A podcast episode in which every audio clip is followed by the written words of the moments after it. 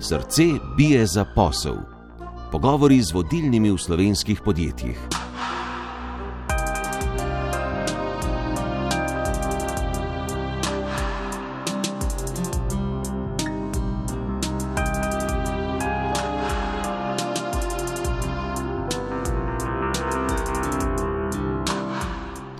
Z vami sva Urška Jerep in Maja Derčar, naj gost je Inco Smrekar, glavni direktor podjetja Atlantik Druga Kolinska. Sam sem v poslovnem svetu 35 let, ne. takega, kot, kot bi v angleščini rekli, ali pa po slovenščini, popolne nevihte, kot se je zdaj zgodila, jo še ni bilo. Ne.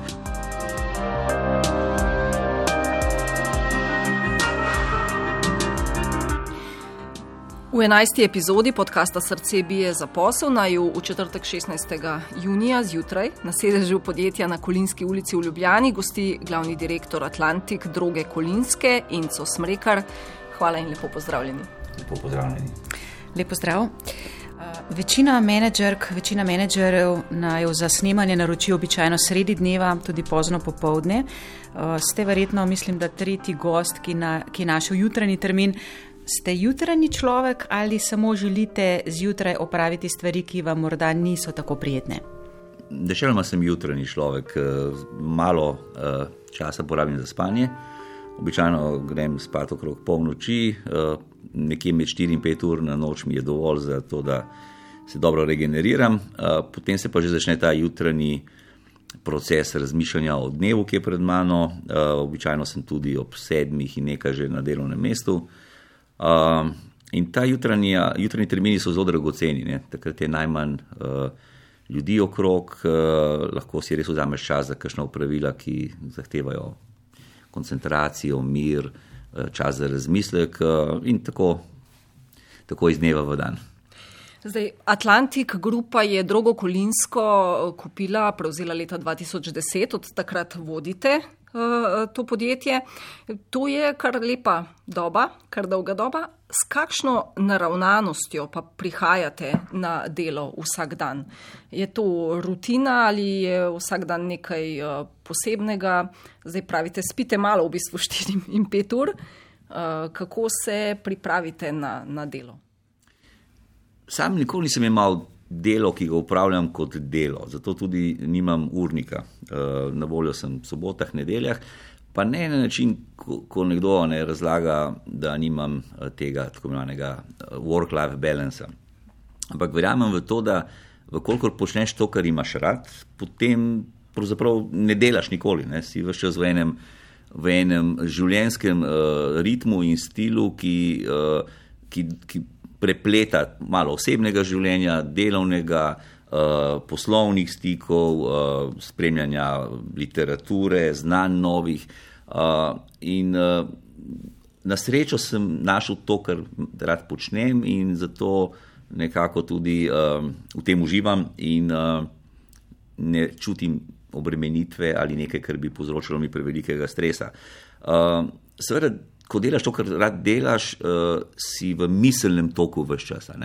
In uh, ideje, in, in rešitve, in uh, ugotavljanja, kaj pomenijo informacije, ki jih dobivamo iz okolja, za naše delo, za naš razvoj, za našo strategijo, so konstanta.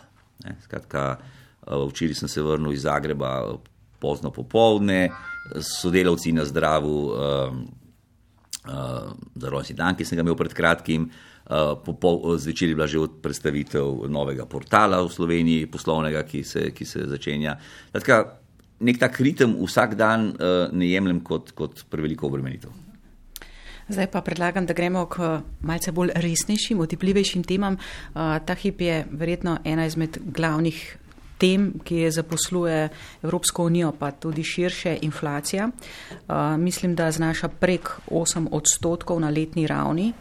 Uh, mi dve bi pa vprašali nekoliko drugače. Če bi v to uh, košarico življenjskih potrebščin, na osnovi katere se potem ta inflacija izračunava, vključili izključno vaše izdelke, izključno vaše vode, vaše namaze, vaše uh, druge prehrambene izdelke, kolikšna bi bila po vašem mnenju ta inflacija? Bi bila potem višja od 8,2 odstotka, nižja? No, najprej treba se zavedati, zakaj uh, je prišlo do in prihaja do tako velikih podražitev. In, uh, tukaj je uh, odgovor uh, kompleksen, ne, zato ker uh, seveda, uh, se srečujemo z po-COVID-nim obdobjem, kjer se je veliko industrij uh, na globalni ravni upočasnilo. In seveda z zagonom prihaja preprosto do za, za velikih zastojev v, v dobavnih verigah. Uh, lahko slišimo, kaj, kaj se dogaja na področju uh, procesorjev in ostalih uh, tehnologij. Eh, in podobno je tudi v prehranski industriji. Eh, ko smo temu dodali še eh, ukrajinsko-ruski konflikt, seveda so se še nekateri, nekateri nabavni kanali, bi rekel, zaustavili in, in upočasnili, in, in vse to skupaj kulminira potem v, v podražitvah. Ko govorimo o konkretnih številkah, je, je od, kategori, od kategorije do kategorije različno.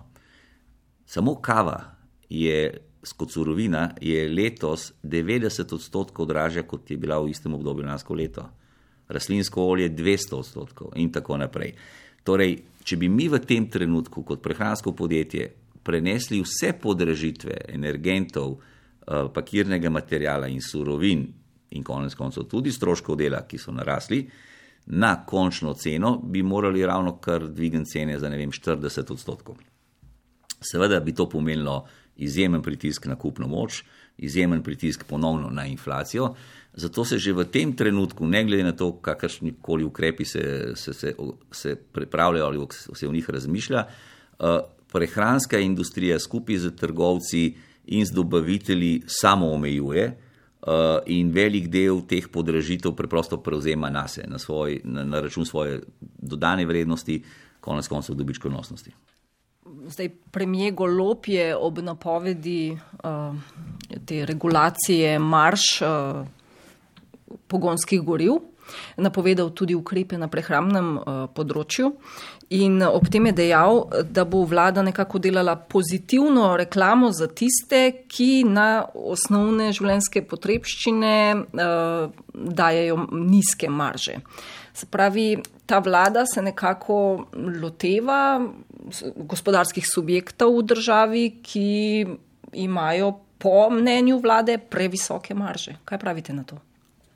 No, to je tako zelo paušalna izjava. Ne. Prvo je treba razumeti, da ko govorimo o energentih, gre za regulirano dejavnost, eh, kjer nekdo pridobi koncesijo in z tega naslova tudi seveda je možnost eh, države, da to regulira znatno drugačna kot pri vseh ostalih eh, aktivnostih vse ostale uh, gospodarske aktivnosti so seveda predmet svobodnega trga in temu primerno tudi vseh, vseh vzvodov, ki na svobodnem trgu delujejo, vključno z maržami, dobički, investicijami in vsem ostalim. Uh, zgolj paušalno ocenjevati uh, višino marž na osnovi dobičkov uh, v slovenskih gospodarstvu je tudi morda nehvaležno. Ne? Če vemo, da je uh, Eh, slovenski bruto družbeni proizvod, sestavljen iz preko 80 odstotkov izvoza, eh, bi lahko nekdo celo zaključil, da se večina dodane vrednosti ustvari na drugih trgih in ne na visokih maržah majhnega slovenskega trga in še manjše kupne moči. Tako da je tukaj treba biti zelo previden, da ne pride do kakšnih pavšalnih ocen eh, in še slabše, kakšnih neutemeljenih ali prenagljenih sklepanj in ukrepov. Kot sem že prej dejal, vsi, ki smo v gospodarstvu, se še kako zavedamo relacije med ceno in kupno močjo in kaj to pomeni za obrat, in kaj to pomeni za amortizacijo, in kaj to pomeni za uh, konec koncev tudi dobiček. Ne? Ampak, ko imamo ukrepe, kjer na eni strani govorimo o višjih stroških dela, minimalna plača se bo dvignila, prevoz na delo se bo dvignil. Eh, povečale se bodo obremenitve socialnega, zdravstvenega in vseh ostalih dejatev, to se na koncu dneva ne, prelevi tudi v, v, v maržo in uh, konec koncev v, v to, kaj je, kaj je dobiček podjetja in konec koncev, kaj je potem davek na dobiček, ki konec koncev polni integralni proračun. Skratka, stvar je zelo kompleksna in jaz mislim, da edini racionalen in, in, in primeren pristop k temu je pogovor, razgovor, z vsemi deležniki v verigi, kje, na katerih kategorijah izdelkov, na katerih ključnih izdelkih, ki res tvorijo tisto najbolj osnovno košarico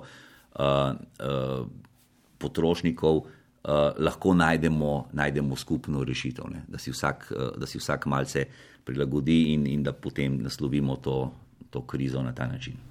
Vlada je napovedala, da naj bi te ukrepe na področju prehrambene industrije predstavila, mislim, da do 15. julija. So se morda že kaj oglasili pri vas, so kaj kontaktirali s predstavniki prehrambene industrije v zvezi s tem? Z nami niso v kontaktu, bi pa pričakoval, seveda, da glede to, da smo eno največjih prehrambenih podjetij v Sloveniji, bodo ta kontakt vzpostavili in ta klic še čakamo. Zdaj, prej ste omenjali te naraščajoče cene različnih surovin od rastlinskih olj, predvidevam, da za vaše namaze, za paštete so ključna, pa kave in tako naprej. Kakšna pa so predvidevanja glede teh cen do konca leta in pa še prihodnje leto? Verjamem, da to tudi naše poslušalce zanima. Ali se zadeve kaj umirjajo, ali je vse odvisno od Ukrajine in tam, tamkajšnjega razvoja dogodkov? Cene se še ne umirjajo. Tisto, kar je trenutno večji izziv kot visoke cene, je sploh ali bo, ali bo dovolj surovin na voljo. Namreč uh, količina žitaric in nekaterih produktov, ki prihajajo iz Rusije in Ukrajine, seveda ni zanemrljiva. Pa vendar ni tako velika, da bi zaradi tega cel svet moral imeti problem. Uh, problem je seveda nastal tudi zato, ker je pomankanje teh teh surovin iz teh dveh uh, držav, uh, povzročil to, da so nekatere druge države izvoznice začele blokirati izvoz in si delajo rezerve doma, zato da bodo lažje prebrodile obdobje, ki je pred nami. Torej, uh, pomankanje surovin je trenutno zelo velik problem. Uh, kar nekaj industrij še nima zaključenih uh, pogodb in virov za četrti kvartal tega leta. Posledično, ko smo v situaciji, da ne vemo, ali bo dovolj aluminija, ali bo dovolj eh, plastike, ali bo dovolj steklo, je trenutno v popolnem problemu. Od petih velikih proizvodov stekla so tri v Ukrajini in tri stojijo, podobne z aluminijem. In še bi lahko naštevali, stvar je izjemno kompleksna. Um, trenutno se pravi, je glavna skrb zagotoviti surovine, materijale za izdelavo. In v takem, takem okolju je seveda težko potem še ne, se pogajati okrog cene. Ali se situacija uh, uporablja tudi za špekulativne namene na mednarodnih trgih, verjetno. Ne. Verjetno kdo tudi uh, izkoristi priložnost in temu primerno se cene dvigujejo. Uh, napovedi pa seveda za naslednje leto ne gredo v, v znižanje ne, v tem trenutku uh, in mislim, da bo tudi naslednje leto izjemno, izjemno težavno. Konec koncev se moramo pa vsi zavedati nečesa drugega ne, in jaz to večkrat povem, kadar imam priložnost, da kvalitetna, zdrava, organsko uh, pridelana hrana uh, v bodoče ne bo poceni. In tukaj moramo tudi kot Slovenija začeti bistveno bolj se ukvarjati z samo skrbo, z tem, da bomo v nekaterih kategorijah izdelkov imeli samo zadostnost, ker uh, vidimo, da se lahko izvozi, uvozi, uh, ta odvisnost od zunanjega sveta hitro zaplete. In uh, verjemite mi, ko se začnejo prazniti police, ne, uh, je sentiment potrošnikov hitro drugačen. Ne. V tem trenutku. Vi v Nemčiji imate na nekaterih kategorijah izdelkov, kot so olje, že napise: prosim, kupite samo eno steklenico. Zaenkrat je na nivoju, prosim, ne? ampak ko bo pa začele se prazniti police, um, nastane pa resen problem.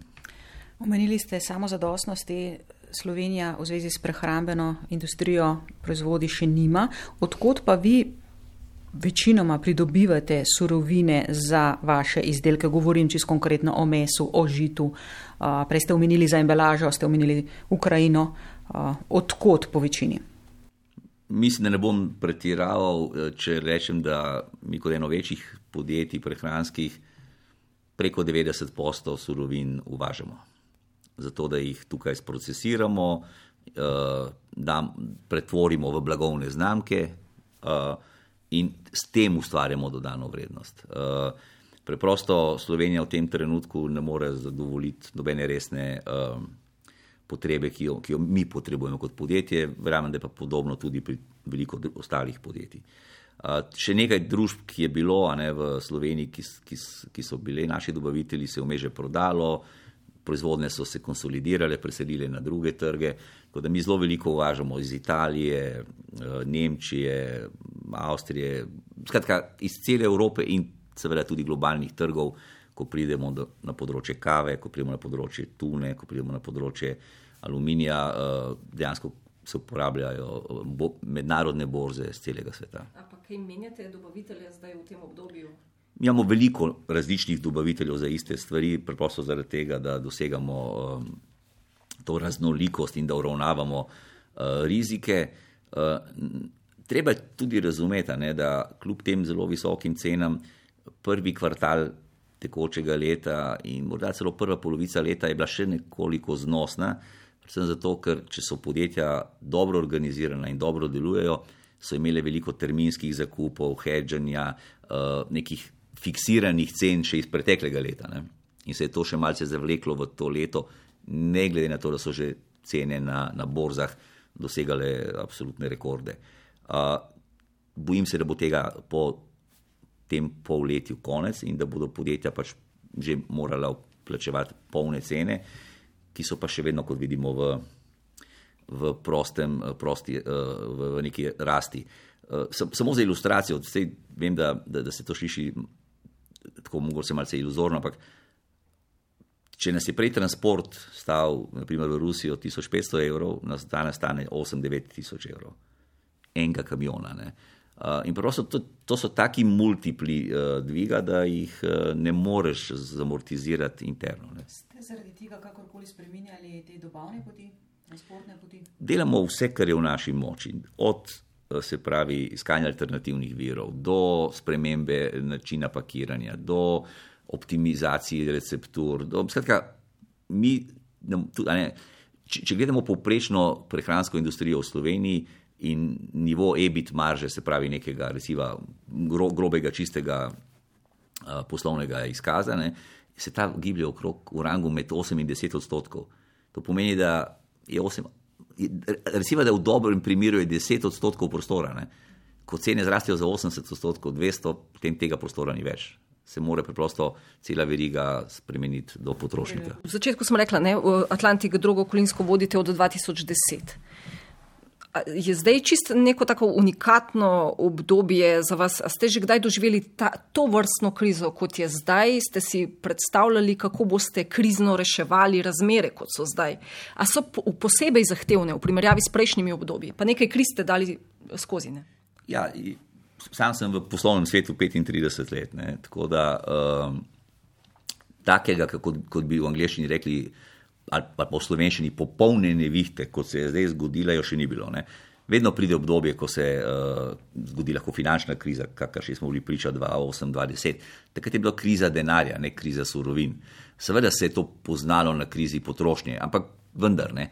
Uh, takrat se je zgodilo ravno to, da zaradi premalo denarja in preveč pritiska na potrošnjo so se celo cene vseh surovin spuščale in smo s tem kompenzirali potem uh, izpad, izpad potrošnje. Uh, Uh, to, kar se dogaja zdaj, je, je, je res en velik unikum tudi v svetovnem merilu. Ne. In uh, na eni strani je veliko denarja, vsaj do zdaj ga je bilo neomejeno po, po, po nikakršnih obrestnih merah, vsak si lahko vzel kredit, tudi gospodarstvo, tako rekoč brez obrestnih mer. Torej, denarja veliko, uh, na drugi strani pa seveda ta zdravstvena kriza, skupaj z tem, kar se dogaja, je, je praktično dotaknjena se vseh segmentov. In, in kadar imate vse segmente, kadar ni niti ene surovine, niti enega uh, materijala, niti enega stroška energentov, dela, uh, skratka, vse te variable, ki jih kot menedžer uh, menedžiraš na način, ne, če je tukaj gor, bo tukaj dol, kaj bomo naredili, so trenutno v, v rasti. In, in, in takšne situacije res nikoli ni bilo. Um, To ni razlog za nobeno paniko, to ni razlog, da bi mi uh, na, naše sporočilo našim zaposlenim, je vaša delovna mesta so, so varna, uh, delamo uh, to, kar smo si zastavili naprej, ne zmanjšujemo investicije v zaposlene, ne zmanjšujemo investicije v blagovne znamke. Seveda je pa v takem okolju potrebno dnevno, dnevno spreminjati taktiko, če ne strategijo, taktiko sigurno. in iskati rešitve. Ne? In to počnemo na način, da smo se reorganizirali, da imamo tedenske sestanke, kjer spremljamo na eni strani vse raziskave, ki jih počnemo, in sentiment potrošnikov, in kaj se dogaja po kategorijah, po trgih. In tudi tukaj ni enoznačnega odgovora. Ne? Fascinantno je, da če gledamo samo regijo, ki je nam blizu bivše Jugoslavije, najbolj drastično in uh, var, varčno se je odreagiralo ravno v Sloveniji. To je nekoliko panično, ne pretirano, mi, mi gremo v, v skrajnosti. Je, če bi primerjal Slovenijo z Srbijo, Bosno, Makedonijo, ja. kjer je ni, bistveno nižja kupna moč, kjer je bistveno manj prihrankov in vsega, tam smo še odreagirali. Nismo, Ampak je vprašanje, smo mi racionalni ali smo iracionalni v tem smislu? Uh, gre, za, gre, za, uh, gre za pojavo, ki je značilna za družbe, uh, predvsem zahodne družbe, kjer je uh, vseeno, pri, ker so vseeno prihodki tako veliki, da se drastično ukrepanje pozna. Ne, če vi imate, recimo, da so življenjski stroški 700 evrov na mesec, najbolj osnovni, ampak če imate 1000 evrov in malce, prišpara, mal, malce prihranite, se bo to poznalo z teh 100 evrov, ne, ker na 300 bo se dodali še 100. Uh, če ste vi na robu tega, kar dobite in kar rabite za življenje, potem se ne pozna nič. In, in, in, in običajno na takšnih trgih potem tudi ta ukrepanja niso tako drastična. Ne. Slovenci smo zelo, zelo hitro in zelo racionalno in iracionalno eh, nastopili z vrčevanjem, eh, to se pozna po celi verigi kategorij. Uh, je pa vseeno vprašanje, ne, ali je to zavedanje, kaj nas čaka v jesenskem valu, že prisotno. No? Ker mislim, da bo jesenski, jesenski val podrežitev in zaradi ogrevanja in zaradi vseh teh zamikov v, v dvigu cen uh, in po poletnega nekega uh, obdobja, kjer smo vsi malce bolj sproščeni na, na dopustu, uh, res prvi ve, velik šok. Ampak je pa že ta sentiment potrošnikov, kot ste dejali v Sloveniji, pa že se ohladil. In to vi že to potem verjetno vidite tudi pri prihodkih? Zaenkrat se uh, pozna to, da število uh, Se pravi, eh, nakupov ostaja isto, kot je bilo včasih, pa vendar je, je vrednost nakupov manjša in število izdelkov, ki grejo v to košarico nakupa, se počasi in ustrajno zmanjšuje. Ne. Uh, izkušnje iz preteklosti nam govorijo o tem, da uh, v kriznih trenutkih potrošniki odreagirajo relativno predvidljivo. Uh, Sveda pazijo na vsak, na vsak evro in želijo še boljšo in večjo vrednost za, za, za nakup, ki ga upravijo, eh, kar gre običajno v korist eh, cenejšim izdelkom, raznim izdelkom eh, trgovskih blagovnih znamk, hard diskonterjev in podobnih formatov. Ne. Na drugi strani pa v kriznih situacijah potrošniki rabimo varnost, želimo občutek varnosti, želimo občutek normalnosti. Ker vse, kar se dogaja, ni normalno, potem iščemo to emotivno vez, nečim, kar je normalno. Uh, In največkrat je ta normalnost eh, vrnitev v neke družinske kroge, prijateljske kroge eh, in konec koncev tudi k blagovnim znamkam, ki nam pomenijo normalnost. Skratka, veljavne, uveljavljene tradicionalne blagovne znamke, ki so, so še vedno nek kontakt s to normalnostjo. To pa je točka za vas.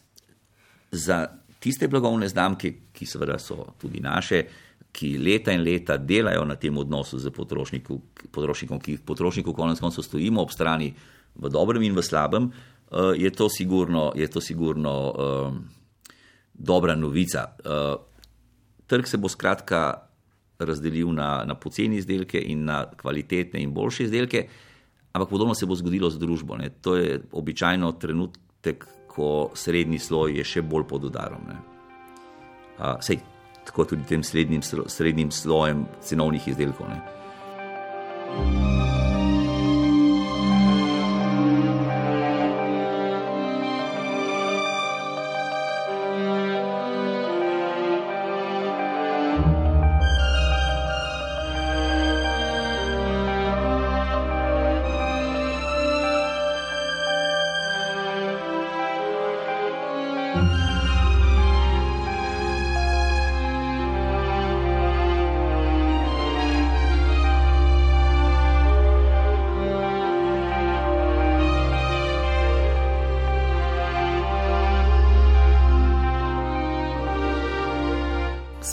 Pri blagovnih znamkah, ampak e, za en korak bi stopila nazaj še k eni kategoriji uh, stroškov uh, v podjetju, energenti. Namreč, um, kolikšen strošek zdaj predstavlja povišanje cene energentov za uh, drogo kolinsko uh, in sploh katere energente uh, uporabljate in kaj si želite ali pa pričakujete morda od vlade na tem področju, ko se bo začelo ukvarjati z elektriko in plinom? Na srečo mi nismo visoko energetska industrija, v smislu, da bi direktni stroški energentov bili tako usodni. Pri nas te stroški v, v, samem, v, samem, v sami strukturi so nekje med 5 in 10 odstotkov. Pa vendar, to so te direktni stroški ne, za pogon in ogrevanje, in, in, in zato, da vsa, da vsa proizvodnja funkcionira. Seveda, pa imamo pa vse transporte, potem imamo tiste stroške energentov, ki se na koncu koncev pokažejo v vhodnih cenah surovin. Uh, in tle pa je efekt ogromen. Ne. Mi danes se premalo zavedamo tega, da konec koncev tudi to, da se poseje žito, ne, ja. se danes počne z, z, z traktori na gorivo in da se to požanje in da se to sprocesira. Skratka, energenti so izjemno, izjemno pomembni v celi verigi vrednosti. Zato preprosto uh, se bojim, da um, samo parcialni ukrepi, ki bi, ki bi uh, se lotevali tistega dela energije, ki jo mi rabimo za proizvodno, niso dovolj. Uh, seveda, po posameznih sektorjih, verjetno prevozniki bodo rabili pomoč, ker bodo cene šle v nebo in sicer ne bodo konkurenčni. Uh, visokoenergetska podjetja bodo rabile pomoč. Uh, in tudi nam bi taka pomoč prav prišla. Pa vendar, treba se tudi zavedati, ne, da uh, odkje pa lahko pride takšna pomoč. Ne? Lahko pride samo iz integralnega proračuna. In če, ga, če bomo integralni proračun obremenili za to, da bomo zniževali ceno energentov, preprosto ne bomo mogli uporabljati za druge razvojne aktivnosti, socialne aktivnosti in vse ostalo, kar, je, kar pa bo tudi potrebno početi v tem istem času ker bo treba tudi pomagati socialno šibkim. Uh, in ne zavidam vladi, ker bo, ker bo, mislim, da kar nekaj časa se iskala kvadratura kroga v, v tej situaciji. Država v tem kontekstu seveda veliko razmišlja, uh, načrtuje energetsko samoskrbo, zeleni prehod. Kaj pa pri vas konkretno v podjetju? Tudi delate že kaj na tem? Absolutno. Mi imamo praktično v Sloveniji vso energijo, tako imenovano zeleno, ampak jo dobivamo od zunaj. Poleg tega imamo kar nekaj sončnih uh, elektrarn montiranih uh, in to je sigurno nekaj, kar bo, kar se, ravno kar smo tudi v enem projektu, ko, ko razmišljamo o še povečanju teh kapacitet. Uh, in, in kot sem že prej rekel, ne, mi bomo morali se preprosto zavedati, da je uh, ta globalno segrevanje, ta potreba po, po uh, vzdržnem gospodarstvu. Nekaj, kar ni modna muha, nekaj, kar moramo delati vsi na vseh področjih. Uh, in to bo zahtevalo tudi spremembe na čisto osebnem nivoju. Ali se peljemo v službo z avtom, ali gremo peš ali s kolesom, uh, kako pogosto odhajamo na potovanja, uh, konec koncev, kakšne obroke hrane jemo in katero hrano jemo in koliko jo zavržemo, in tako naprej. Skratka, uh, recimo, da je v vsaki krizi tudi kakšna priložnost, in um, upam, da bo ta kriza osvestila uh, tako podjetja, kot državo, kot konec koncev potrošnike, da uh, na ta način ni vzdržno funkcionirati v bodoče. Jaz bi se tu navezala mogoče na embalažo, ker je to res, um, res težava. Tudi recimo izdelki vašega podjetja ne, so včasih se prodajajo v vedno manjših količinah, vse je ovito v neko voj. In um, pri trajnostih, kateri ste sicer zavezani, imamo lahko na eni strani iskreno namero in delovanje, na drugi strani pa vemo, kaj pomeni greenwashing. Ne? Zato naj jo zanima problem embalaže v kontekstu krožne ekonomije, kako se uh, uh, s tem spopadate v uh, drugi kolinski. Zelo, uh, se, se spolnoma strinjam. Ne? Če se mi malce starejša generacija se spomnimo tega, da si v trgovini naročil sendvič, ki tega je trgovka ne, na, naredila na licu mesta, odrezala kos kruha in uh, salame in sira in, in pripravila sendvič. Danes to zakonodajno ni več možno. Ne. Torej, mi se bomo morali pri teh prehodih vprašati o celotnem okvirju delovanja, ne. ker ne moramo na eni strani si želeti tega, da ni vsakih tri rezine sira v posebej uh, plastični embalaži, pa foliji. Pa, vse, se, vse, se, uh, vse se pakira na, na, na minimalno enoto uh, enočlanskega gospodinstva, ne? ker danes moramo tudi se zavedati, danes ne govorimo o gospodinstvih. Tri, štiri članskih, ampak govorimo o enočlanskih gospodinstvih, in mi, kot ponudniki, seveda sledimo temu trendu in temu popraševanju, konec koncev. To si potrošniki želijo, in naša naloga je potrošnikom uh, um, njihova pričakovanja doseči in jih celo preseči. Pa vendar, kakšen je vpliv na vse to, je treba, je treba dobro vedeti. Um, mi prehajamo na, na vseh embalažah, na trajnostne embalaže, na tiste, ki so reciklirane, narejene iz recikliranih materijalov, pa vendar je tudi to lahko greenwashing, vkolikor ni za tem dobro vzpostavljenega sistema zbiranja, ločevanja in potem konec koncev predelave odpadkov. Uh, Zelo dober primer, ki smo ga spostavili v Sloveniji na našo inicijativo, je uh, embalaža Donata, kjer smo šli iz stekla na, na, na reciklirano uh, pet embalažo, dobili številna vprašanja in pritožbe, da zdaj smo pa res nekaj neekološkega naredili, kar je popolnoma nesmisel. Ker steklena embalaža, ki jo ti pobiraš na terenu, vračaš v proizvodno, kot prvo je zbiranje, je prevoz. Eh, to embalažo je treba oprati, zato se porabi ogromno čistilnih sredstev, vode in vsega ostalega.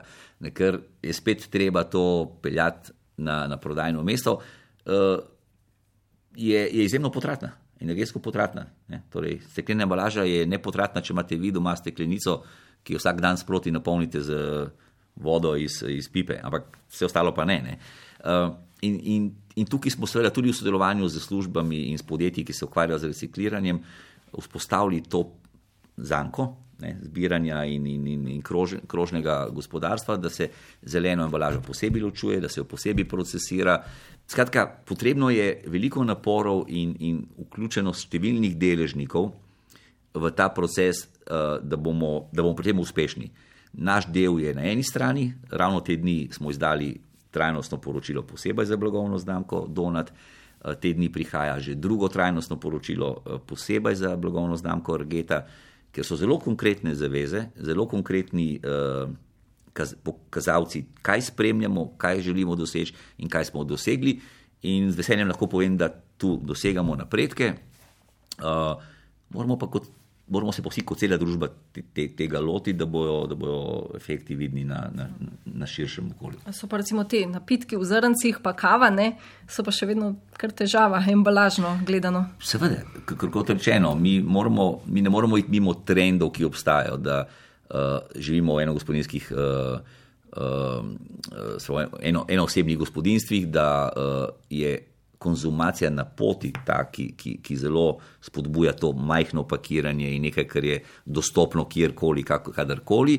Uh, ampak tudi to je treba pol umestiti v to, da iz česa naredimo in, in kako spodbujamo, da se potem to primirno vrne nazaj v, v proizvodno. Predlagam, da gremo zdaj k naslednji temi, k zaposlenim. V drugi kolinski nudite nadpoprečne plače, Eh, na zaposlenega, mislim, da dodana vrednost znaša čez 100 tisoč evrov. Eh, v medijih na nek način nenihno povdarjate, da to dodano vrednost dosegate z marketingom, raziskavami potrošniških navad, znamčanjem. Eh, gospod Smrekar, kaj pa, če ste enostavno v panogi, v kateri izdelek proizvedete za nekaj centov, ga privlačno zapakirate, medijsko ožarčite in potem pač, kot smo uh, slišali tudi nekatero v zadnjem času, zaslužite z visoko maržo če malce poenostavim. Če bi bilo tako enostavno, bi to počeli vsi. Ne? Uh, ne, mi smo ponosni na to, da uh, lahko naše zaposlene plačamo 40 odstotkov nad industrijo, v kateri delujemo. Se upravičujem, tudi v proizvodnji ali govorimo o proizvodnji? Ravno, ravno tam. Ravno tam. Na, sicer so naši strokovni delavci plačani na nivoju direktorjev manjših podjetij. Uh, torej, mi pri zaposlenih ne, uh, ne uh, šparamo, ne vrčujemo, kot bi rekli. Ja. In, uh, ne zato, ker uh, bi bilo to moderno, ampak zato, ker je to prav, zato, ker so delavci tista neopredmeteno bogatstvo naše družbe. Skratka, dan, dan danes uh, stroji, lokacije, proizvodnje niso bistvo. Bistvo je, uh, bistvo je srce in razum, ki ga pa lahko da samo zaposleni. Uh, in, in največje bogatstvo podjetij so neopredmetena sredstva. In neopredmetena sredstva so uh, patenti, so blagovne znamke in so znanje. In znanje je v ljudeh. Uh, mi smo izjemno ponosni, da smo vem, trikratni dobitniki zlate niti, da, da, da praktično dobivamo vse nagrade, kadar se le odločimo prijaviti na, na, na, na, na, kakšen razpis. Preprosto zato, ker tudi če gledamo ravno, ravno kar prijeto nagrado za posebne gospodarske dosežke. Sem gledal, da med petimi podjetji so v povprečju vsi na 40-50 tisoč evrov dodane vrednosti na zaposlenega, mi smo na 110. To nas uvršča v, v kategorijo farmacevtov, tako rekoč, ne, eh, in, in, in visokotehnoloških podjetij. Ne. Eh, dosega se pa ta dodana vrednost na način, da praktično v Atlanti grupi mi samo 10 odstotkov izdelkov prodamo v Sloveniji. Mi smo eden večjih izvoznikov, mi dosegamo ekstremno uh, dobre in visoke cene in marže na mednarodnih trgih. Zakaj? Zato, ker so tam tudi kupna moč temu primerna. Ne? Seveda se mi zavedamo, da uh, ploševinka regete v Bosni ne more stati toliko, kot stane v Nemčiji. In ja, razlika je trikratna. Uh, v Združenih državah Amerike stane regeta 3,5 dolarja medtem ko je v Sloveniji evro 20, evro 30. Skratka, eh, doseganje te dodane vrednosti ni en tak preprost recept, ne, aha, zdaj jaz nekaj kupim poceni, pa mal, mal pobarvam, mal ušminkam, pa potem se to kar drago prodaja. Mislim, da potrošniki že dolgo niso več naivni, uh, da bi na take preproste trike svoj del, svoj del težko zasluženih prihodkov uh, namenjali. Mi naše izdelke konstantno razvijamo, konstantno skrbimo, da so top of the class. Uh, mi smo prvi, ki smo uvedli brez aditivov, brez konzervansov, brez reševalcev, rom. Ne nehno to letvico uh, kakovosti in visokih standardov dvigujemo. Uh, za uh, enega od uh, poslanstv, recimo konkretno pri blagovni znamki Argeta, smo si zadali dobesedno demokratizacijo vrhunskosti se pravi vrhunske surovine, vrhunski recepti uh, in vrhunski okusi in standardi po normalnih cenah. Ne. Zdaj, seveda, nekdo bo rekel, normalno je to ali uno, ampak pa vendar, vi lahko pojeste izdelek, ki ga je naredil Mišljenov šef za izpod 2 evra. Pričemer, če bi samo obiskali to restauracijo, bi samo pogrinjek stal 10 evrov. Ne. Omenili ste zdaj nekaj deležev. Ne? Na začetku ste rekli, 90 odstotkov surovin pride iz tujine, 90 odstotkov izdelkov prodamo izven Slovenije. Koliko je pa zdaj še proizvodne v Sloveniji in kako napreduje uh, investicija v Varaždinu, uh, ki bi prvotno je bilo mišljeno, da boste ostali v izoli, skratka. Po, po spletu okoliščin oziroma nekih pogojev uh, ni šlo tu več. No, dejstvo je, da je uh, tukaj konkretno govorimo o, o blagovni znamki Argeta. Um, Argeta se trenutno proizvaja na treh, na treh lokacijah: Izola, Sarajevo in v Združenih državah Amerike, uh, Harrisburg. In um, preprosto je rast Argete samo od 2019 do, do trenutno skoraj 30 odstotna. Argeta je uh, blagovna znamka, ki na nivoju naše hiše dosega 110 milijonov evrov prometa. Mislim, da ni nobene druge blagovne znamke v Sloveniji kot ene blagovne znamke v taki industriji, ki bi bila tako močna. Uh, in uh, ta rast se nadaljuje z našim uh, aktivnim delom. Uh, kako se nadaljuje? Nadaljuje se tako, da ko sem jaz prišel sem in začel se ukvarjati z Argeto, smo imeli šest ljudi v marketingu. Danes je 26 uh, zaposlenih samo v marketingu. Skratka, postajamo izjemno, izjemno uh, uigrana in profesionalna ekipa, in, in seveda ta rast potem zahteva tudi investicije v proizvodnjo. Uh, mi smo uh, v Izoli letos, uh, v zadnjih dveh letih, zamenjali linije, dogradili, prihaja še ena dodatna linija in to bo zadostovalo za nekaj časa. Pa vendar ne bo dovolj in bi morali razširiti, razširiti samo proizvodno. Seveda nam je bila prva želja, da uh, to naredimo na isti lokaciji, ker, kolikor imate že vse energente in vse ostalo infrastrukture, potem lažje potegniti še eno halo dodatno. Nažalost, v razgovori z občino nismo prišli do rešitve, ki bi to omogočala, ne, da bi na isti lokaciji se razširili, ker, so, ker imajo neke druge načrte z obvoznicami in ostalimi zadevami. In zato smo seveda šli v proces iskanja nove lokacije. Uh, in tudi tukaj se je pokazalo, da v Sloveniji ne razumemo ravno najboljše, kako, kako se privablja tuj kapital in kako se omogoči uh, investicije. To, to treba reči Bobu Bobne. Preprosto. Uh, uh, ko smo se pojavili v, poročevali smo 115 lokacij, od Dunaja do, do Skopja in uh, severne Italije. In uh, lahko vam povem, da zanimanje za to, da se pride v neko okolje, je, je v tujini neverjetno. Ne? Res neverjetno. Uh, od tega, kako te pričakajo, kaj vse nudijo, kakšne vse subvencije so na voljo.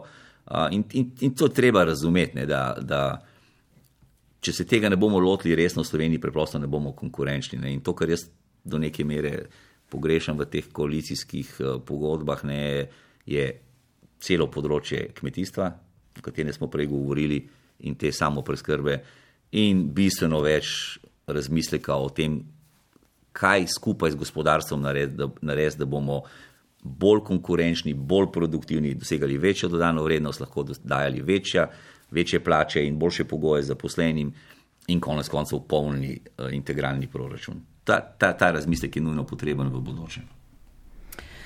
Glede zaposlenih, koliko konkretno imate zaposlenih v drugi Kolinska, koliko od tega v proizvodni? In če še tu nadaljujem, kdaj se bodo te proizvodne linije, po vašem mnenju, ustavile? No, prvo, proizvodne linije se ne bodo ustavile.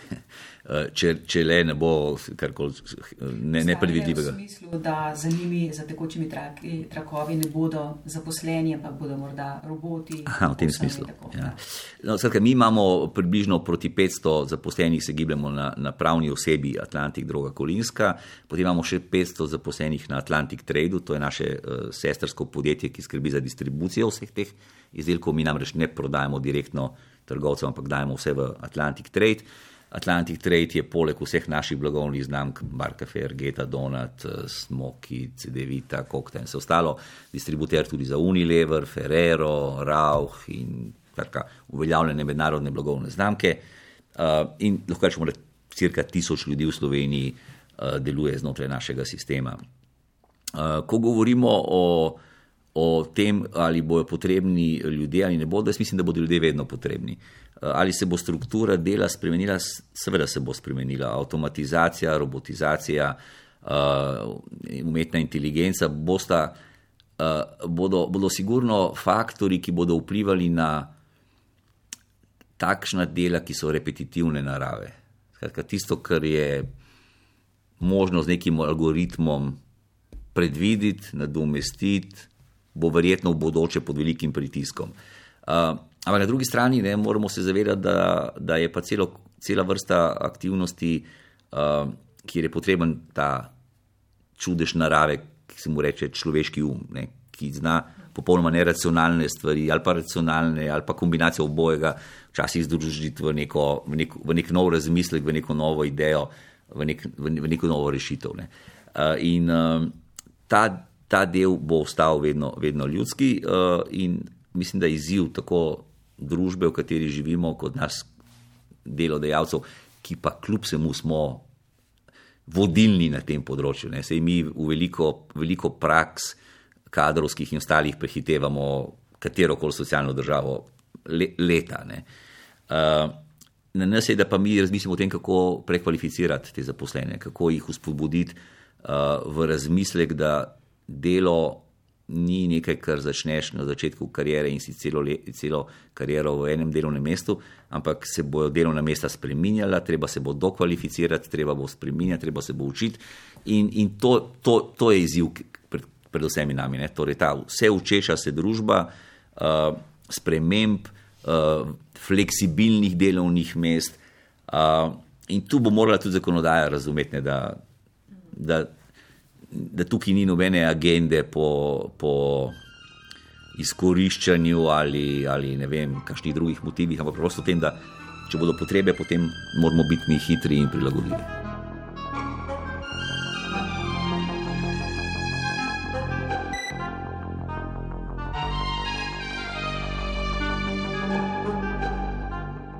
Zdaj bi bila bi blasfemija, če vas ne bi izkoristili za vprašanja, ki kjer ste absolutno um, vse tako prikazani v našem prostoru superiorni. Ste namreč tudi um, certificiran coach, znani ste po sodobnih uh, uh načinih uh, vodenja. Uh, če se da to bolj na kratko povedati, uh, kako ali pa na katere prijeme vi stavite. Imate prav, prav nek načrt, ki se ga držite, imate nek zgled, lahko kaj priporočite, kaj deluje pri ljudeh. Delujete tako zelo živahno, zdaj mogoče. Mogoče to ne ustreza vsem v, v, v vašem okolju, pa vendar morate vi to živahnost prenesti naprej. Kako to deluje? Uh, očitno dobro. očitno dobro, glede na rezultate, uh, glede na to, da imamo skoraj neobstoječo, ne ne, nezaželjeno ne uh, fluktuacijo, ne, skratka, sodelavci nam ne odhajajo. Če pa že kdo odide, pa običajno odide na res vsaj dve stopnje boljšo in bolj, višjo in bolje, bolje plačano službo uh, v drugo podjetje. Uh, sam stavim na avtentičnost. Uh, skratka, ljudje smo to, kar smo in samo takrat, ko smo to, kar smo, uh, lahko povsod in ne vstopamo v neke, uh, neke igre in ne igramo neke vloge, takrat lahko damo največ od sebe. Aj to vsem všeč ali ne, je drugo vprašanje, ampak običajno ljudje cenimo avtentičnost. In, in, in smo lačni avtentičnosti.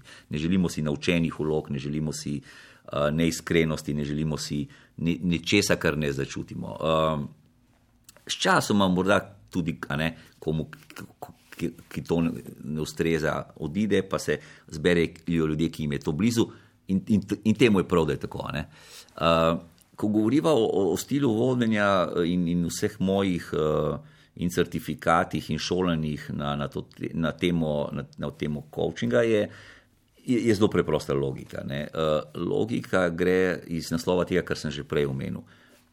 Ljudje so najbolj pomembni in ljudje delajo razliko. In to ni floskula. Uh, vsi vemo, kaj pomeni pravi človek, pa ne bo to v športu, ne bo to v gospodarstvu, ne bo to konec koncev v politiki. Ljudje naredijo razliko.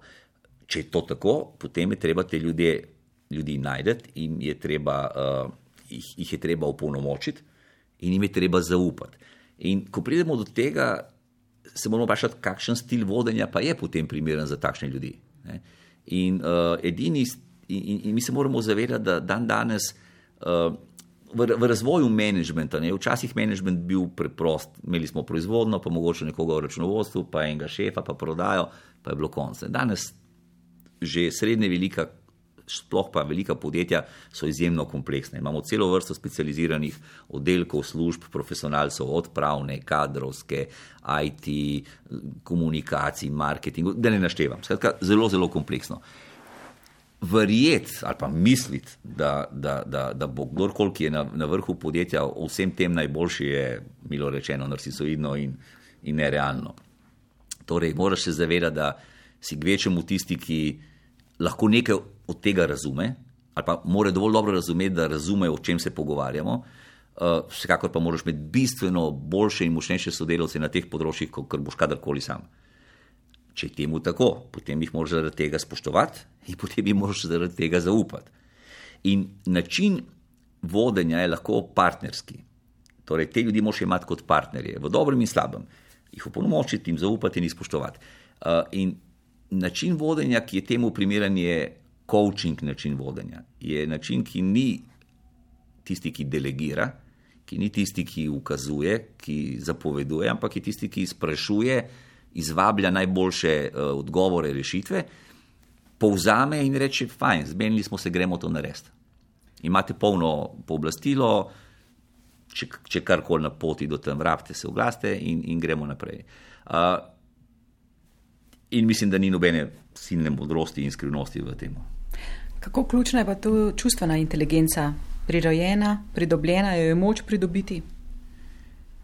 Zdaj, za inteligence načeloma pravijo, da so prirojene in da jih lahko sicer, da, da, sploh če govorimo o, o inteligenci kot taki, se z leti izgublja in jo moramo ohranjati z treningi in z tem, da skrbimo, da je najbolj prekrvavljena naša največja mišica in to so možgani. Ne. Kako vi skrbite? Veliko treniram, tako, tako je to pač, ampak se čisto v redu s tem funkcioniram. Um, dejstvo je, da um, je, uh, če hočemo te odnose na ta način imeti, pomembna avtentičnost. Avtentičnost včasih dopušča tudi to, da mogoče kdo ni tako zelo dober tudi v tej čustveni inteligenci. Čeprav brez čustvene inteligence običajno v meritokratskih sistemih ne prideš na vrhunska, na vrhunska delovna mesta, ker te, te ljudje preprosto ne prepoznajo za vodjo. Ker vodja si takrat, ko te ljudje prepoznajo, ne takrat, ko ti je nekdo to titulo dodelil. In uh, na dolgi rok uh, te, te, te ekipa izvrže. In to se danes, temu se danes v sodobnem menedžmentu uh, namenja zelo veliko pozornosti, veliko testiranj, veliko delavnic, ravno na to. In konec koncev, del moje, moje nagrade uh, in nagrade cele uprave, ravno včeraj smo imeli skupščino Atlanti Grupe, kjer se je statut spremenil uh, na skupščini na način, da je del tega uh, kvalitativnega dela nagrajevanja vezan na to, kako so zadovoljni naši zaposleni, kakšna je fluktuacija in kakšen je uh, ta uh, engagement, engagement uh, bi rekel, uh, uh, rezultat angažiranosti, ki jo merimo seveda vsako leto in tako naprej. Skratka, pre, prehajamo na to, da je zadovoljstvo zaposlenih del naših ciljev. In, in, to, in, in v tem ne moreš igrati igre. V, tem si, ali, ali, ali, ali tako živiš, ali tako čutiš, ali te pa potem sam sistem izvrže, ker boš imel slabe rezultate in zaposleni ti ne bodo dali tega priznanja. In, uh, Čeprav se veste, da zdaj ni tako popularno govoriti o tem, kako vi dobite nagrado na podlagi kazalnika zadovoljstva zaposlenih, ampak kaj imajo zaposleni od tega. Samo, če, če, smem, če smem še eno iz koalicijske, res ne morem mimo. Ne? Um, torej, Atlantik Grupa, torej korporativni lasnik, vaš je v bistvu v lasti Emila Tedeskija, ki je več kot 50 odstotni lasnik, potem so tu hrvaški uh, pokojninski skladi kot lasniki. Imate res tako zahodno korporativno lastniško strukturo. Ali pa, ali pa malo posebno, no, ker je še en posameznik ne, prevladujoč. Zdaj, vladna koalicija spodbuja delovsko participacijo. To lahko pomeni ali uh, so lastništvo v podjetju ali prav odločanje v podjetju. Tega Atlantik Grupa recimo nima, ima pa druge mehanizme. Ali pač ne, kako? Pravno nasprotno, Atlantik Grupa ima zelo veliko tega. Mi vse naše zaposlene Na vrhu, mislim na vrhu, pri, pri uh, nadzornem odboru, upravnem odboru. Torej, kot prvo, struktura lasništva Atlanti Grupe je zelo mešana, tudi nemški pokojninski skladi so notri in tako naprej. V nadzornem svetu Atlanti Grupe so Nemci, uh, Švedi, uh, Slovenka uh, in tako naprej, Američan. Uh, skratka, zelo, zelo pester in raznolik nadzorni svet, tako po Eh, nacionalnosti, kot po znanjih, ki jih prinašajo, kot, kot po spolni uravnoteženosti. Ko govorimo o, o odločanju, če se vrnemo na to, kar sem prej govoril, da, da se zaposlene spoštuje in, in, in ceni in zaupa, in tako naprej, potem oni, oni odločajo. Sej, veste, na koncu dneva uh, nisem jaz tisti, ki odločim. Na kateri trg bomo vstopili, s kakšnimi prijemi, kako bo izgledala naslednja kampanja, kjer izdelek se razvija in kaj se ne. To, o tem odloča cela armada zaposlenih. Torej, kdo pa bi ne bi drugo odločil? Torej, svet, v katerem imamo mi 6000 zaposlenih na nivoju Atlanti grupe in pričakovanje, da Emil Tedeschi, Enzo Smrekar, Srečko Nakič, ne vem, Ranko Ždorkoli odloča o, o, o takih stvareh, je milo rečeno naivno. Uh, ko govorimo o delovski participaciji, absolutno, mi, mi, mi zelo želimo zaposlenim uh, dajati deleže v podjetju in jim tudi dajemo. Moram pa reči, da je od vseh držav, kjer to prakticiramo, Slovenija naravnost katastrofalna. Skratka, mi, ko damo 100 delnic zaposlenemu za nagrado v, v Srbiji, 100 delnic ohrani v polni vrednosti, na Hrvaškem zgubi 25 odstotkov, v Sloveniji zgubi 60 odstotkov. Torej, stimulacija za gospodarstvo, da daje zaposlenim uh, karkoli v obliki delnic, ki konec koncev so lasništvo, vse kaj pa je lasništvo, delnice. Uh, od mojih delnic, ki jih dobivam kot nagrado, do vsakega menedžerja, do vsakega, ki je udeležen v nagrajevanju, uh, se v Sloveniji tretira s polno obdavčitvijo, ki je ena najhujših, primerljivo kjerkoli. Torej, jaz bi res predlagal, da se politika zresni v enem smislu. Ne? Da ne govori na eni strani o delovski participaciji, na drugi strani pa je to tako davčno ne, neugodno, da pravzaprav niti zaposlenim ni do tega. Niti zaposlenim do tega. Uh, drugo, govoriti o delovski participaciji in sploh postavljati razliko med menedžerji in, in nekom drugim je, milo rečeno, nesramno. Ne. Vsi menedžerji, danes si menedžer zelo zgodaj. Danes bo vedno več menedžerskih funkcij, ker, ker vse ostalo se bo avtomatiziralo. Torej, mi rabimo brand menedžerje, mi rabimo marketing menedžerje, mi rabimo sales menedžerje, so vse menedžerji, so vse menedžerske strukture z polnimi uh, benefiti in odgovornostmi. In vsi menedžerji, od direktorja do, do teh menedžerjev, smo zaposleni. Vsi mi nismo lastniki tega kapitala, mi smo delavci in više, ko si, bolj si zamenljiv. Statistika pravi, da se v povprečju direktor podjetja na Zahodu menja preko konec mandata, dve leti in pol je zadnja statistika. Ne? Torej, mi, mi, pa, mi pa poskušamo vse te ljudi tako rekoč prikazati kot na pol, na pol kriminalce, kot nekoga, ki izkorišča. Mislim, če temu tako, pol, pol, pol smo na napačni strani. Management je zelo široka skupina ljudi, uh, strokovnjakov, tistih, ki mi verjamemo in tukaj ne morete zaupati, da vemo, kaj delamo, za kateri mi verjamemo, da so tisti, ki delajo večjo razliko kot ostali. Naši zaposleni dobijo maksimalne regrese, nagrade ob koncu leta. Mislim, o tem, kaj vse mi delamo za zaposlene, bi lahko napisali ali pa posvetili eno oddajo, kaj se počnemo. Uh, imamo na voljo sabatikal, kjer, kjer so delavke in sodelavci odideli za šest mesecev lahko in dobivajo pol plače z naše strani. Uh, in da, da ne bi niti, mislim, kar se lahko naštejem, je res, je res uh, na svetovnem nivoju najboljših praks. In zato je malo, milo rečeno, želivo, ko se potem kdorkoli, ki ima pet minut časa, uh, neprimerno izraža o, o menedžmentu, o menedžerjih. Ja, ali med njimi so tudi črne ovce, verjetno, kot so med politiki, kot so med gospodarstveniki, kot so med uh, javnim sektorjem in vsemi ostalimi, pa vendar. Dajmo začeti se spoštljivo obnašati, dajmo se obnašati v tem, kar vse govorim, partnersko. Za partnerstvo je potrebno spoštovanje in zaupanje. In dajmo to vzpostaviti, in mislim, da bo cela družba uh, lahko bistveno boljše funkcionirala. Nadaljujemo s partnerstvom, nadaljujemo z zaupanjem samo na drugem področju in sicer na področju športa, kjer ste med drugim uh, tudi predsednik Smučarske zveze. Uh, smučanje v mednarodnem merilu uhaja tudi v zadnjem času na druga prizorišča. Bi lahko zagotovili, da bo to tekmovanje Zlata lisica v Mariboru ostalo na koledarju tekem za svetovni pokal v ženskem smučanju? zagotoviti se ne da nič v tem življenju, ne? kako pravijo, edino davki pa smrtov so, so sigurni. Um, lejte, uh, imamo privilegij, da in spet ne, apropo menedžmenta. Cela armada menedžerjev se aktivira na, celem, na veliko področjih, ki so družbeno koristne. Ne?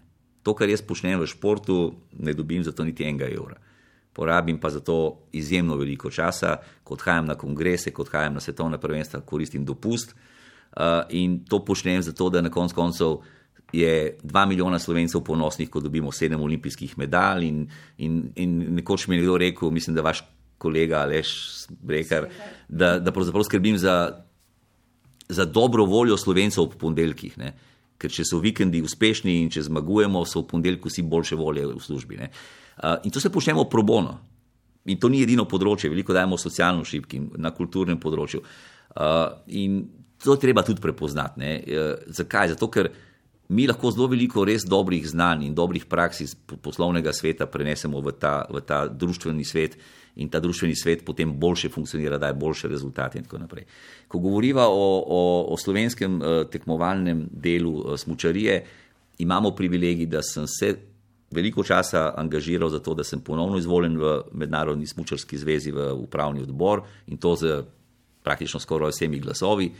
Uh, dokler bom za mizo, seveda se bom boril lahko za to, da nam koledar ostane uh, takšen, kot je. Pa vendar ni dovolj, da to počnem samo jaz. Ne. Mi se moramo zavedati, da se svet spreminja. Uh, tradicionalne tekme nam ne pripadajo in one niso vremenski pojav. Ne. Mi se v Sloveniji obnašamo do teh tekem, kot da pač pride pomlad, pa se zgodi planica. Planica se ne zgodi. Planica ima 2 milijona proračuna. Teh 2 milijona proračuna je treba zbrati, je treba investirati. Zadaj je cela armada strokovnjakov, še večja armada pa prostovoljcev, ki, to, ki namenjajo veliko svojega časa, energije in znanja, da to, da to naredimo. In potem gre slika v svet in, in, in februarja bo svetovno nordijsko prvenstvo, ki bo doseglo 500 milijonov TV ogledov. 500 milijonov TV ogledov. Pa, pa mi tega denarja nimamo v Sloveniji, da lahko to plačamo na, na, na CNN-u, da se vrti oglas za Slovenijo, ki bo dosegel 500 milijonov. To vam jaz garantiram. Torej, ko, ko pridemo do takšnih dogodkov, mi nujno potrebujemo pomoč in razumevanje lokalne skupnosti, kaj to pomeni za njih, kaj to pomeni za državo, za promocijo državo in kakšni so multiplikativni učinki tega. Danes je popolnoma evidentno in mi smo te, te rezultate in te podatke predstavili vsaki vladi, tudi zdajšnji, da preprosto na evro vložen v šport se vrne v prvi fazi, v direktni fazi evro 70, v naslednji fazi je pa multiplikativni učinek celo 3,5 evra. Ko, ko se zgodi planica, se zgodi, da so vsi hoteli do bleda polni, da ljudje so po restauracijah, da so ljudje po lokalih, da, da, da imajo vsi nekaj od tega konec koncev tudi država preko proračuna, da ne govorimo o promociji. Zdaj, jeseni so pa volitve za predsednika Olimpijskega komiteja. Boste kandidirali, zdaj ste v podpredsedniški funkciji. Običajno, ko se odločim, da kandidiram, potem zmagam. Ampak, Najprej poveste za Radio Slovenijo. Tako, ampak, ampak olimpijski, olimpijski uh, komitej ni, uh, uh, je, je kompleksna funkcija, je funkcija, ki zahteva veliko časa in uh, ker sem jaz tako angažiran v službi in v smočariji, bi bilo nepošteno do te funkcije, vkolikor bi se hotel angažirati v Olimpijskem komiteju. Zato sem že zelo zgodaj in zelo jasno povedal, da me to ne zanima. Sem pa vesel, da se je za to odločil kolega Franjo Bobinac in uh, sem v ekipi, ki ga podpira.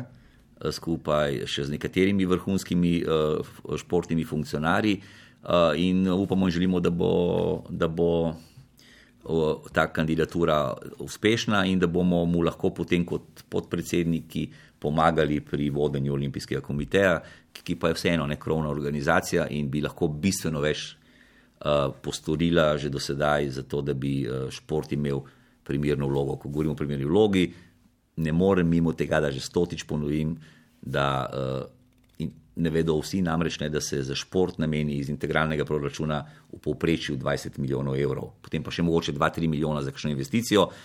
Zdaj, mogoče bo kdo mislil, da je to veliko, da to ni veliko, pa vendar 20 milijonov evrov za cel slovenski šport, mi pa tekmujemo za avstrijsko smučarsko reprezentanco, ki ima 60 milijonov.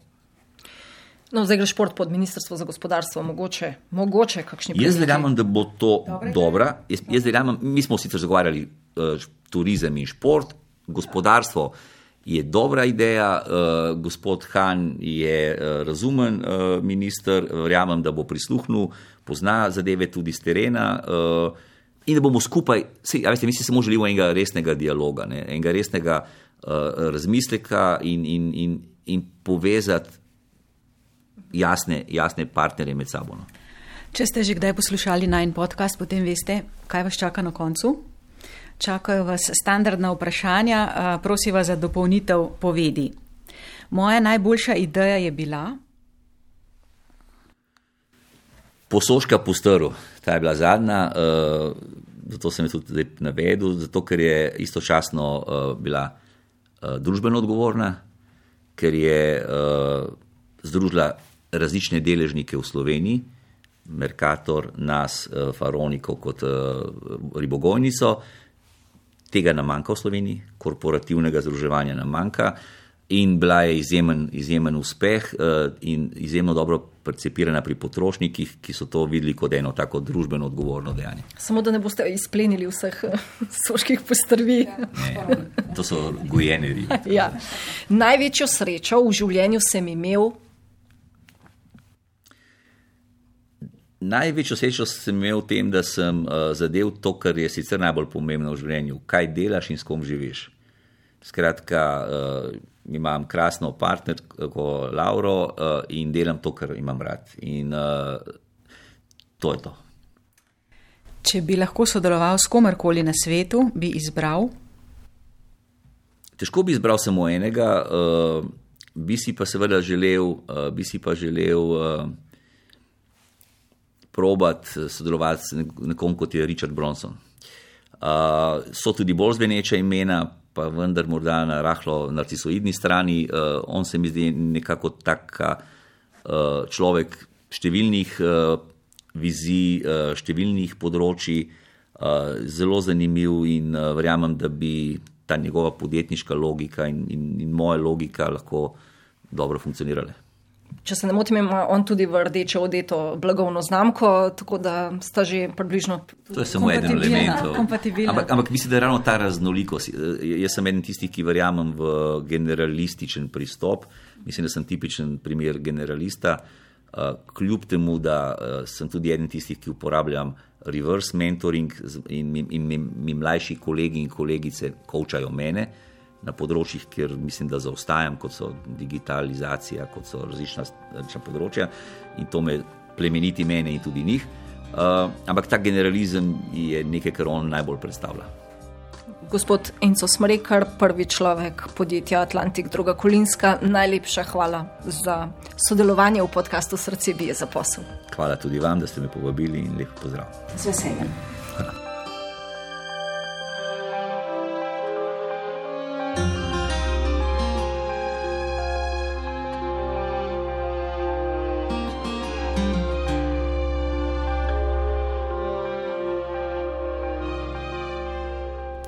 Poslušali ste podcast Srce bije za posel, pripravili sva ga Urška Irep in Maja Derčar, tehnika Vojko Kokot in Janez Podlesnik, glasba Rudi Pančur, urednik Aleš Kocjan.